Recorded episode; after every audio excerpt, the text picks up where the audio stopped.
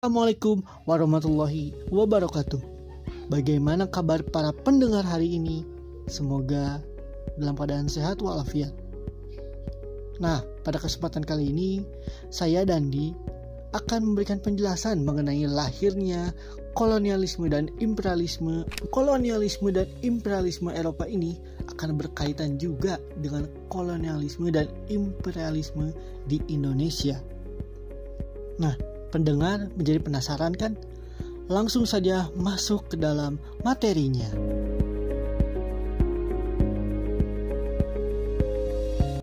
Seperti yang kita ketahui, Indonesia merupakan negara kepulauan yang kaya, kaya akan budaya serta sumber daya. Bentuk negara kepulauan membuat negara ini memiliki berbagai budaya yang beraneka ragam. Budaya yang masing-masing memiliki keunikan tersendiri, tersebar di berbagai daerah dan selalu dijaga secara turun-temurun. Tak heran apabila kamu berjalan-jalan ke sebuah daerah Indonesia, pasti menemukan hal yang unik. Bahkan sejak zaman dahulu, hasil rempah Indonesia pun menjadi primadona di kalangan dunia. Indonesia dikenal sebagai sejarah karena kekayaan rempah-rempahnya, mulai dari pala, cengkeh, jahe, lada, hingga kayu manis. Maka tak heran, sejak zaman penjajahan, bangsa Portugis tergugah untuk menjajah negara kita. Siapa sangka Ternyata penjajahan pertama yang pernah terjadi di Indonesia niat awalnya bukanlah karena semata-mata karena ingin menjajah saja. Bahkan penjajahan bisa dibilang adalah imbas dari tujuan utama datangnya beberapa negara Eropa ke Nusantara.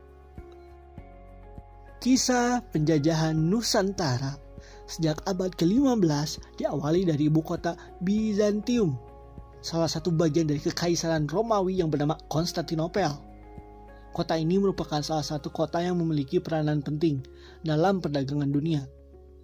Konstantinopel juga menjadi pintu gerbang perdagangan Asia ke Eropa.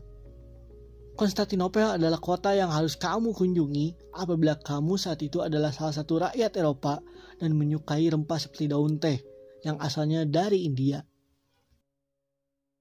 Suatu hari, Konstantinopel dikepung selama 8 pekan oleh pasukan Turki Ottoman yang dipimpin oleh Muhammad Al-Fatih alias Mehmed II. Hingga akhirnya kota istimewa dan strategis yang menghubungkan Eropa dan Asia ini runtuh. Sehingga menyebabkan distribusi perdagangan ke Eropa menjadi tertutup. Tutupnya distribusi perdagangan tersebut membuat harga rempah-rempah melambung tinggi. Tentu saja kenaikan ini disebabkan karena penduduk benua Eropa yang menjadi kesulitan untuk mendapatkan rempah-rempah. Keadaan ini tentunya tidak membuat bangsa-bangsa Eropa tinggal diam. Mereka ingin mengembalikan kejayaan yang telah direnggut oleh pasukan Turki Ottoman. Mereka merasa rempah-rempah mereka dirampas oleh Muhammad Al-Fatih dan para pasukannya. Usaha menuju kembalinya kemansyuran yang dulu pernah dirasakan bangsa-bangsa Eropa harus ditempuh Cara yang bisa dilakukan pada saat itu adalah melakukan penjelajahan ke seluruh dunia untuk mencari rempah-rempah. Jalur darat yang ditutup membuat bangsa-bangsa Eropa menempuh jalur laut untuk melakukan penjelajahan. Penjelajahan samudra dilakukan berkali-kali oleh bangsa Eropa.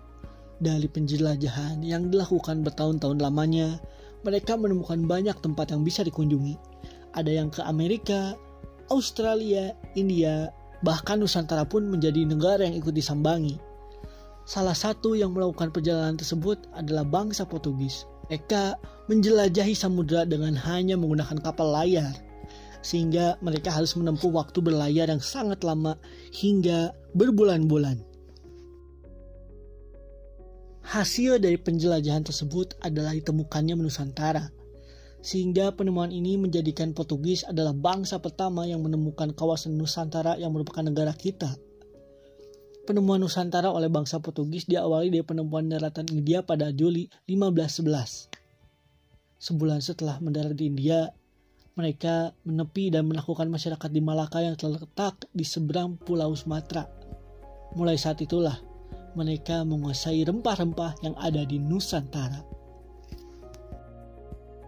Setelah rempah-rempah pertama dari Nusantara dibawa kembali ke Eropa, banyak yang terinspirasi untuk melakukan hal yang sama.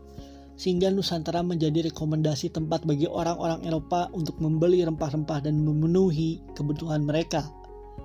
Penjajahan di Malaka dirasa kurang cukup bagi mereka, sehingga daerah Nusantara lainnya mulai datangi oleh bangsa Eropa. Mereka berbondong-bondong untuk menjajah pulau-pulau lain di Nusantara satu persatu mereka datangi dan jajahi. Inilah menjadi awal mula terjadinya kolonialisme di Indonesia.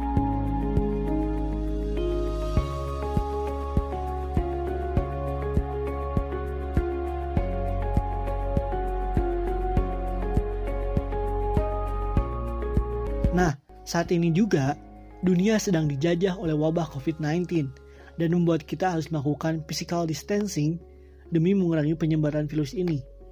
Meskipun begitu, kesehatan dan semangat belajar harus kamu tetap jaga.